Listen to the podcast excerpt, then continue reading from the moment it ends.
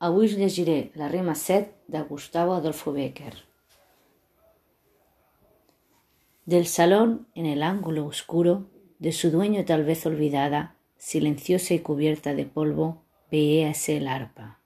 Cuánta nota dormía en sus cuerdas, como el pájaro duerme en las ramas esperando la mano de nieve que sabe arrancarlas. ¡Ay!